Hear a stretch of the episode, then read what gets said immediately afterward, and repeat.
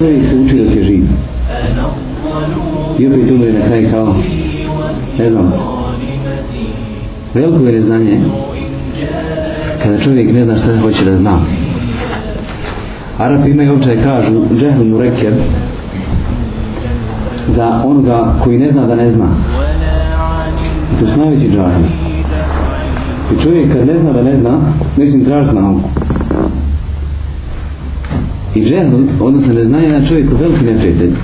Ali, što reći za one koji kog ba nešto znaju, a ispoljavaju na taj način svoj džehl?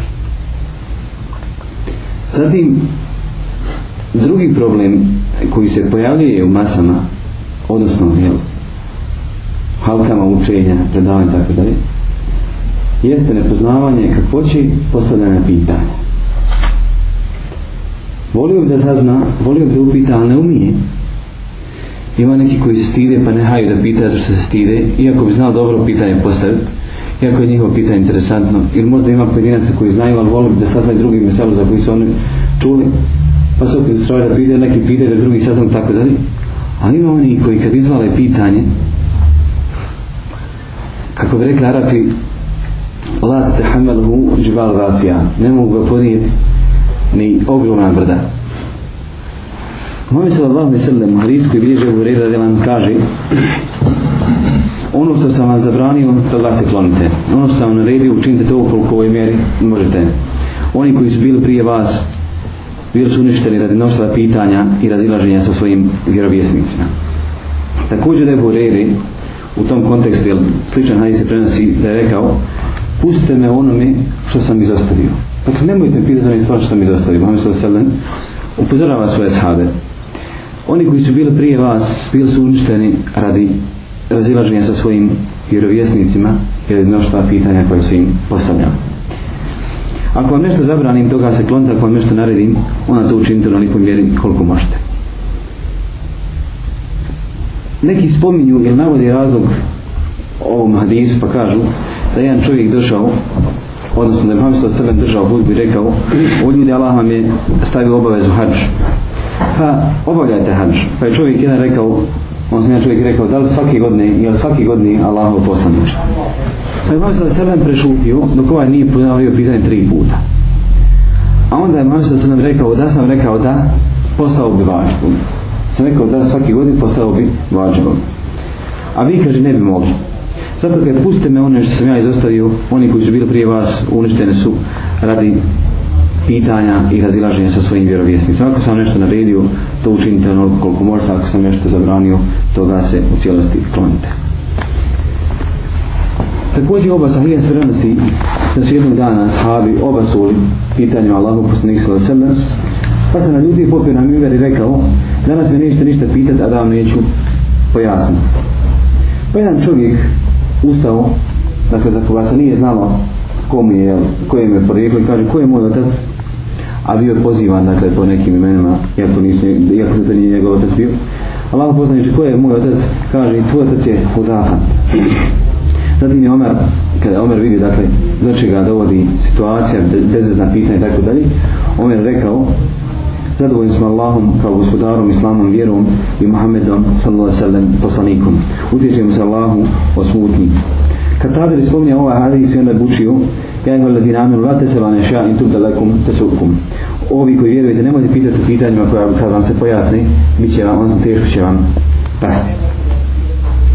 Također, kod Buhari se bilježi hadis Ibn Abbas da je rekao, ljudi zapitkivali Muhammed sallallahu alaihi sallam, ismijavajući se, tako u šali jel, zapitivali su pitanja koja nemaju nikakve koriste.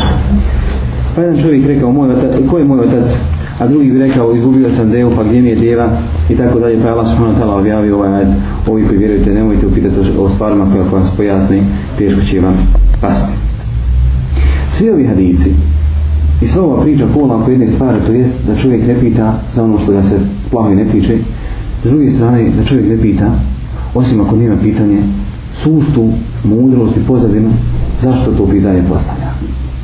To je poznata predaja kada je Ebu Hanife Rahmanullah Teala držao predavanje des i govorio je svojim učenicima kada nastupaju namaska vremena i kaže i jakšam, a onda je ušao jedan mladić. A Ebu Hanife je imao služene noge Ašam nastaje kada je povukao noge kada pa je vidio njega kada zađe sunce i odmah nastaje Ašam nakon zalaska sunca suprotno ić kome kršćan je vrema jer one gađaju i ta za jedno četvrtinu sata i onda je ovaj ušao a bio ugledan, lijepo izgledao, lijepo djeven i on nitke povuku noge on te jedi povuku noge i završio sa, tim, sa tom veselom a on podigu ruku mogu ja nešto pitati nego Hanife mu je dozvolio rahmanullah ta'ala kaže, a šta ako sunce nikad ne zade, kada ćemo planet akšama? Ebu Hanife ponovo pruži noga kaže Hada ahmak, ovo je glupak. Što znači, što znači da nije znao postaviti pitanje, niti pitanje je bilo na mjestu. A tu ako sunce ne zađe, odnosno ako se sunce jel, pojavi se zapad, ne zađe nikako, ne treba piše ni namaz, odnosno tada neće biti niko koji će klanjati. Dakle, mesela ne sasvim odvojena u predacom sunnih dana, Ajmo Hanife, Ahmad Atala, govorio o fiku i znači, imate stvarno ispada ja sam jedan na predavanju toliko bilo pitanje šeji sa pet kuzovića držao predavanje trebao sam ja držati pa je on bio u prolazu kroz Slovena za molim bilo da zvoli da on nema problema hajde nekon drži i postoje jedan pitanje kaže šeji sa pet pošto je Harminova večera servi nek Harmin odgovara Preko nije bitno, hajde čujemo pitanje. Kaži, ovo je što postavlja, sam sama sačuvao džehna, pošto znamo da kršćanstva ne bilo bez Ise da li bio Islam bez Muhammeda Kako čekaj Boga ne bio Isa nije promovio su kršće, kršćanstvo kršćanstvo moramo se reći što ideš li nakon njega Isa promovio su šta širio dao čega Islama dakle pitanje a što on pogriješio sa krajske strane A kako ćeš postati pitanje da li bilo Islama bez Muhammeda sallallahu alaihi wa sallam? I da je sve ono opravdano i to, dakle, ja nisam mu sad govor, šeji safet je pobrijedio, ja sam se pocrvenio, ne, ne znam šta ću reći, a bilo oko 70-80 ljudi na, na, na Drugi put može postaviti pitanje, haj pusti ga ne postavi pitanje. Kaže, kakve je bolje bio pas spomenuti svoj kehef? Nije bi pala nula, vidi što se večeras, što se večeras ikad došlo na Musije. Dakle, pitanja i mesele koje ne pomažu u vjeri, mi će ti pomoći išta na dunjavku. Glupost, totalne glupost. Spomenut ćemo išala ovdje. Ako čovjek pita i želi nešto da sazna, to će biti ono što će mu koristiti. Nije problem da li to koristi njemu dunjaluk ili za ona svijeta na snovu je. Nije bitno. Nek pita nam se pojasni. Ali imaju očite stvari. Jer se postavljaju pitanja samo da bi se zabunio, odnosno da bi se zbunio govornik ili predavač. Zatim postavljaju se pitanja da se istakne znanje. E ovdje je već problem. Ovdje već nastupa šta? Ovo moja kupa oholost. I to kao to su pojedini monaci pitali Muhammed sallallahu alaihi i smijavaju se sa poslanikom sallallahu i smijavaju se sa sahabima i meselama koji se njih pitali. Muhammed sallallahu alaihi kaže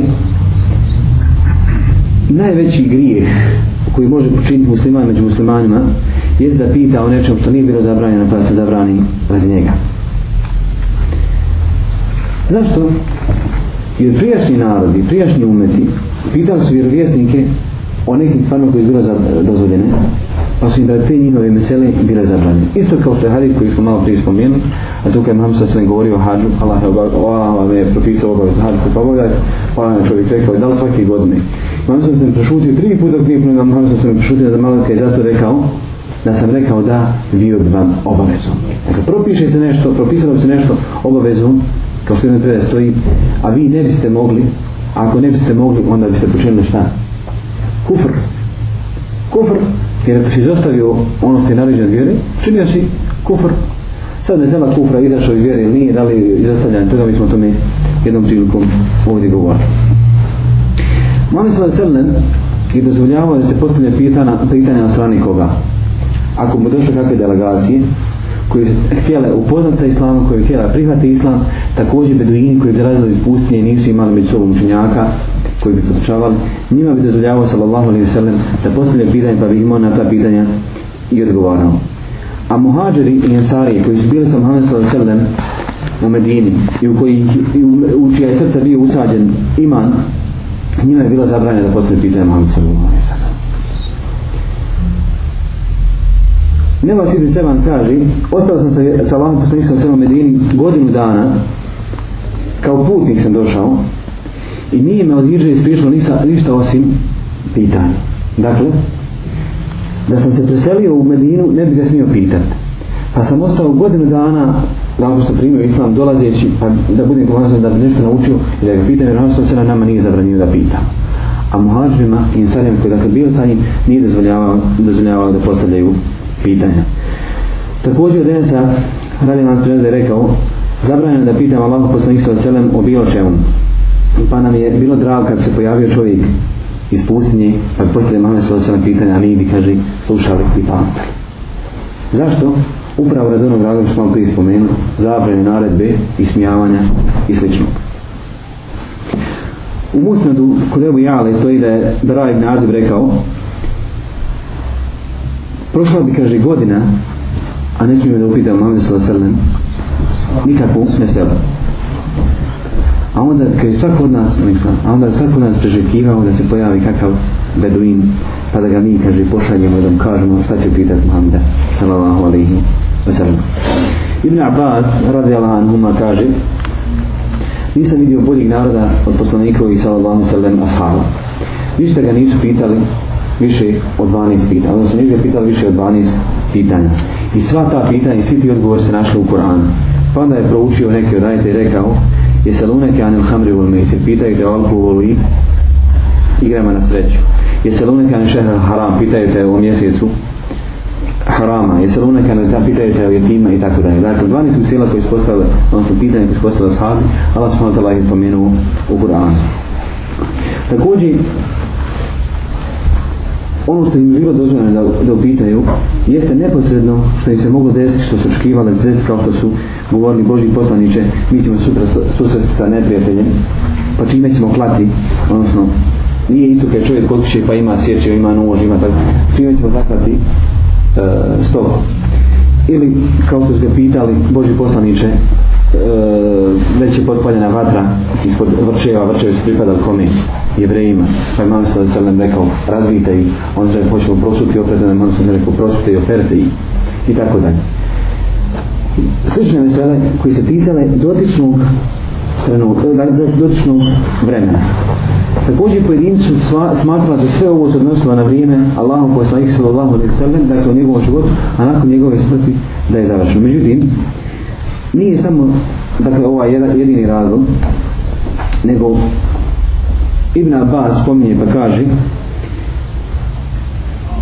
kada se postavlja pitanje odnosno kad želite saznate nekakav propis sačekajte sve se ne objavi Kur'an jer ništa kad nećete upitati a da vas monotala neće pojasniti odnosno sve ono što je potrebno za vas za vašu vjeru, za vaš život i za, za dunjaluk i za ahiret Allah subhanahu wa ta'ala će pojasniti vjera i hlam neće ništa izostaviti zato sačekajte svaki propis će biti pojašen njegovom vreme. I zato im je bilo zabranjeno da predustravaju ono što im se nije i odgotilo.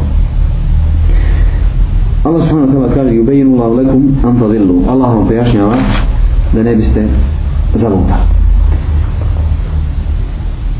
Vrhunac svih pitanja, odgovora, pojašnjenja ili općenite nauke jeste da čovjek uglavnom se odnosno da se njegove nauke, nauke uglavnom odnosi na poučavanje Allahove knjige i sunnjata Muhammeda sallallahu alaihi sallam. S druge strane, proučavanje da se ne zostavi kod toga, nego da primije. Jer primjena je veoma bitna. Može čovjek biti učenjak. Mi smo, odnosno, susjedan se, ali smo, susjedan se kod nas, vidim Luka, i Luka je nauč Korana. I Luka je znao siru Muhammeda sallallahu alaihi Dobro se izjeda Allah da kaže ovaj, sve to što ti Harmini govoriš, kaže Luka je nama pričao. Kako? Luka je bio od koga? Orientalista. I proučavaju islam. A da li je Luki pomoglo njegovo znanje i poznanje sire? Jer ovaj, bio je kršćan, odnosno bio je nevjernik, ateista, skratka. Da li je pomoglo znanje? Nije mu pomoglo. I blisu Allah ga prokleo. Da li mi je pomoglo znanje o tome što je Allah subhanahu ta'ala gospodar? Zna da Allah subhanahu ta'ala gospodar? Da li mi je pomoglo znanje? Nije. Protiranje je ženeta. Jevreji kršne nalazu za Muhammed s.a.v. da je poslanik. Dolazili su, postavljali su pitanja. Ovo je Bukasime. Ovo Muhammed i tako dalje. A znali su da je, da je poslanik. Nije im pomoglo to njihova znanje. Zašto? Jer nisu očitovali jezikom, nisu potvrdili vjerujem. Faraon, Faraon je znao da je Musa istina. Da li mu je pomoglo to što je znao? Nije mu pomoglo. I u trenutku kada je ga poklopio talas, kada je poklopila voda, šta je rekao? Vjerujem da nema drugog Boga osim Boga u koji vjeruju sinovi Israela. Ali nije mu koristilo, jer nije povjerovo na vakat. Tako dakle, da čovjek ako proučava, proučava Allah subhanahu wa ta'ala, proučava sunet Allahu poslanik sallallahu alejhi ve sellem to sve na znanje takođe i na praktični dio odnosno na praktičko ili primjenjivanje da sprovede u svom životu. Takođe ono što je bilo od pokuđenih stvari jeste da se pita o stvarima odnosno da se pita o događajima koji se još nisu desili. Ashabi tabijini su smatrali pokuđenih odnosno mrzeli su da se govori o stvarima koje se još nisu desile. Postoji nešto što zove fethu rej odnosno pravo mišljenja ili govorili su o islamskom pravu svod onome što su razmišljali primjer radi poznat je Hanifi Mezheb Rahmanullah Tala da su mnogo razvojala stvarima koji se još nisu desili i ovo se odnosilo na veliki broj dogmatičara na veliki broj dogmatičara pojavljeno se toga u svim mezhebima ali kod Ebu Hanifi najviše govorili su stvarima koji se nisu desili neke stvari su bile korisne, a neke su bile i nekorisne. Ovakvim pitanjem su se bavili i filozofi, a to je ništa nije da više povećalo, odnosno udaljenost od Allaha i Subhanu Tala vjeri.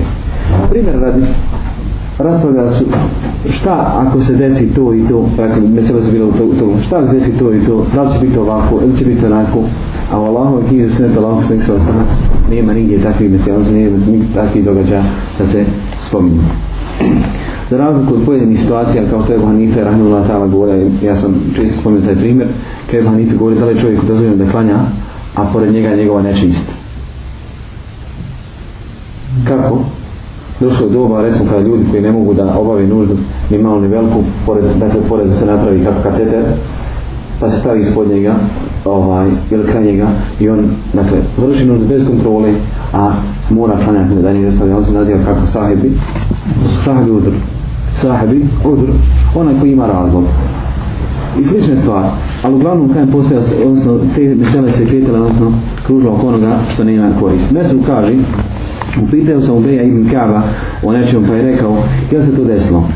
Rekao, ne.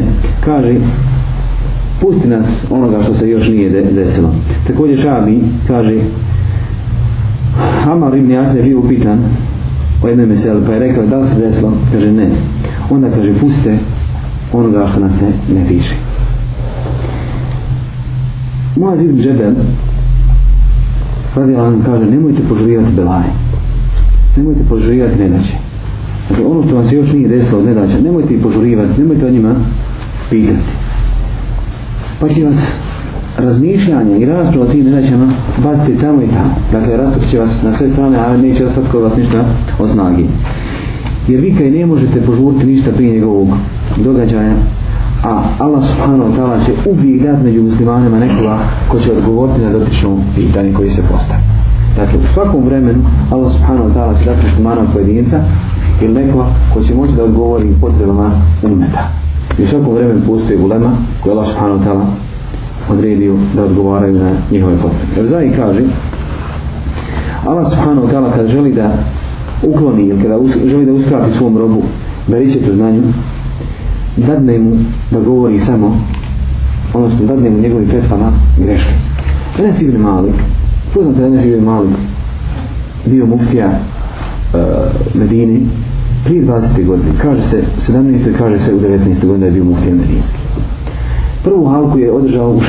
godine sjedio je pred njim učenic i slušao se 6. godina bilima Žena znaša djeca od šest godina znaju samo video i se stane gledati. I to ako i to znaju. Radim Hulam Ta'ala, kada mu je bilo postavljeno 40 pitanja, odgovorio je na koliko? Šest. Govorio je na šest. Ma da je odgovorio na 20 na 20 nije opet šta? Odgovorio na šest na 34 rekao ne znam. Rekao ne znam. I kaže, ključ znanja je reći ne znam. Sa razliku današnji maša Alamuftija, Kada god ga pitaš, on sredstvo iz rukava. I primijet ćete da oni koji malo subhanahu wa ta'ala odzeo veričet za ne kao što kaže Zaid, njihove fete nikada nisu posvjetljene dokazima u suštini kako trebali da budu. A onda osvrću se, e, osnovi se na ono, ja mislim, pa šta kad bilo ovako i tako da.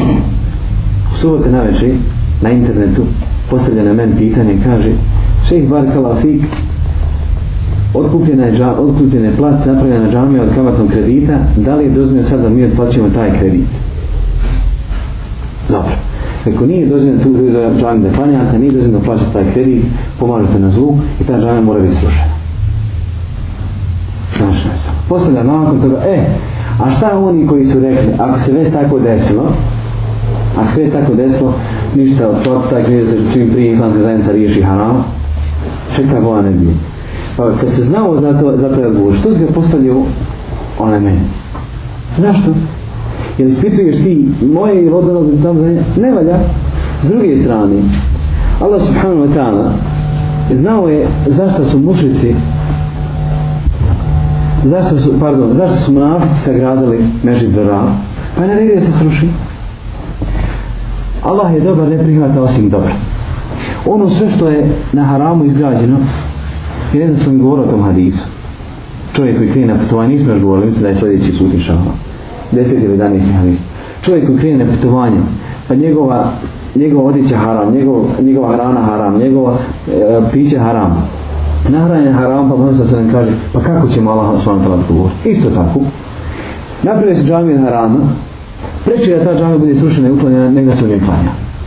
Markalo Sik, nemoj postaviti sljedeće kine. E, to je Allah kuća. Neće Allah takve kuće. Mi živimo na zapad, nemojte živjeti na zapad. Stavi slama je jasan po pitanju života na zapad. Život na zapad nije razvoljen. Nije razvoljen. Osim ljudima iz nekoliko potreba. Ošao je za naukom, pa traga. Ošao je za kratkoročnim poslom, pa se vratio. I otišao je na širi Allahom subhanahu wa ta'la vijek. Mogu se to iznimke napraviti za lišnje i slično. A on se vi otišao na zapad, asimilirali se u tim društvima, va, pazite nešto. Najveći delan na zapadu je time što da jedu. Nime što da jedu. No, to se pitanje i vrti oko halal klanja, odnosno naučna e, klanja i halal mjesa. Nime što da jedu. Pa šta ste da na zapadu? Ja sam skoro bio u Sloveniji. Pričam jedan brat, kaže, skoro sam išao u Austriju, 150 kila sam dovezao salama, hrenovki, koje čega i tako da. Što pa vam nešto opterećuje? jednostavno prva je tu kući idu u Bosnu dvoje, pa, dvoje se rođe, ne, ne imate drugi e, u Sloveniji još evo dvije godine kako imaju između sebe bivši mufti Osman Đogić i sadašnji, sadašnji, sadašnja uprava vršuje se tako imaju između sebe nesuglaste dvije godine slovenska vlada koristi nesporazum između njih da se ne, ne, ne dozvoli odnosno da se ne, ne, ne počne sa izgradnjom islamskog centra neće on u Njemačku imao, ma neki imao bolan nediju ali musliman tamo ne može mirno Zadnje ove godine su to najbolje pokazale. Najbolje su to ove zadnje godine pokazale. U Francuskoj je zabranjen hijab u javnim, ustavom, odnosno u javnim jel, eh, obavljanim poslova. Zabranjen hijab u Njemačkoj postaje sve teže i teže. Jedna sestra završila medicinu i kaže, morala sam napustiti, odnosno već je počeo svršiti stamene pice na poslu, nisam više mogla izratvati hijaba. I bila mi samo ključ da se udam i da napustim. I čita zapad je takav vi bacat, pa odnosno vi želite da sa njima prijateljite, oni sa vama ne žele prijateljiti. I onda vi dolazite sa nekim pitanjima i selama, a šta ćemo, kako ćemo, šta ćemo, kako ćemo. Vi ćete vratiti se, brate, svi kući. Koliko vas je miliona gore na zapu, jer svi vratim kuće, naša Allah, jer ste bi sam sa vama ovaj tu. A stoliki i muslimani. Jer ljudi se stavljaju, pazite nešto, stavljaju se ljudi na raspriječe islama i kufra. Ne smiješ da ja kažem, ne smijete živjeti, hajte vi si vam. Ne morate se mene tiče, ali radi vas, da sami i vas živite na zapravo trećeg sve. Eh, prinuđeni ste da živite na haramu. Kupujete stanove kuće i kamatnim kreditima. Eto i džamiča gradite kamatnim kredit na haramu. Nemate što da jedete. Prisne, djeca vam odlaze u vrtiće, odlaze... Nužno mora ići u vrtić, preškolsku. Ali mora ići u osnovnu školu.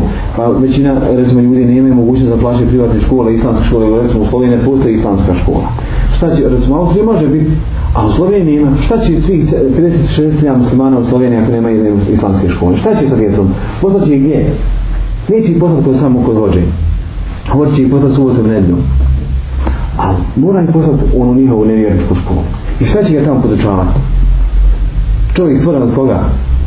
Je sigurno nije Darvina. Darbina. Akida nije darvina.